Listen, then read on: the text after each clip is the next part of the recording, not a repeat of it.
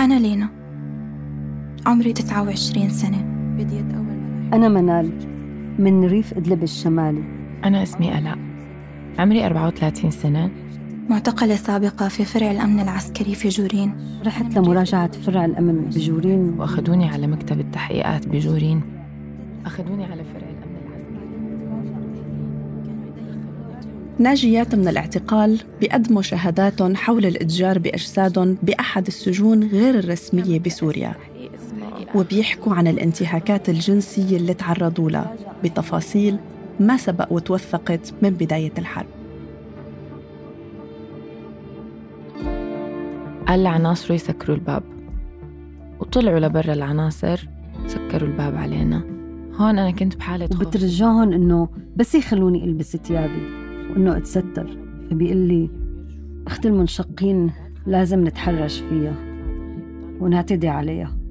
وهون بيعتدي عليها. نفس الليل أخذوني خارج السجن بشاحنة كانت مثل البراد من كتر ما هي باردة. وأنا إيدي مربطين وعيوني مطمشين ودمي مسكر بقطعة وهون بعرف. بعد أشهر من المتابعة والإقناع وافقت ثلاثة من السيدات الناجيات على تقديم شهاداتهم عن اللي تعرضوا له بجورين. قصف مدفعي من معسكر جورين يستهدف.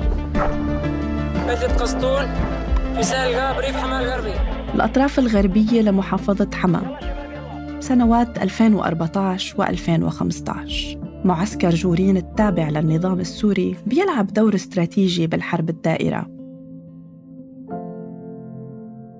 هون في ضابط أجمعت الناجيات على اسمه وأوصافه.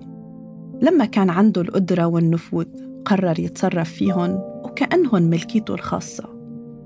بالوسائل المتاحة قدرنا نوصل للضابط المتورط ونواجهه.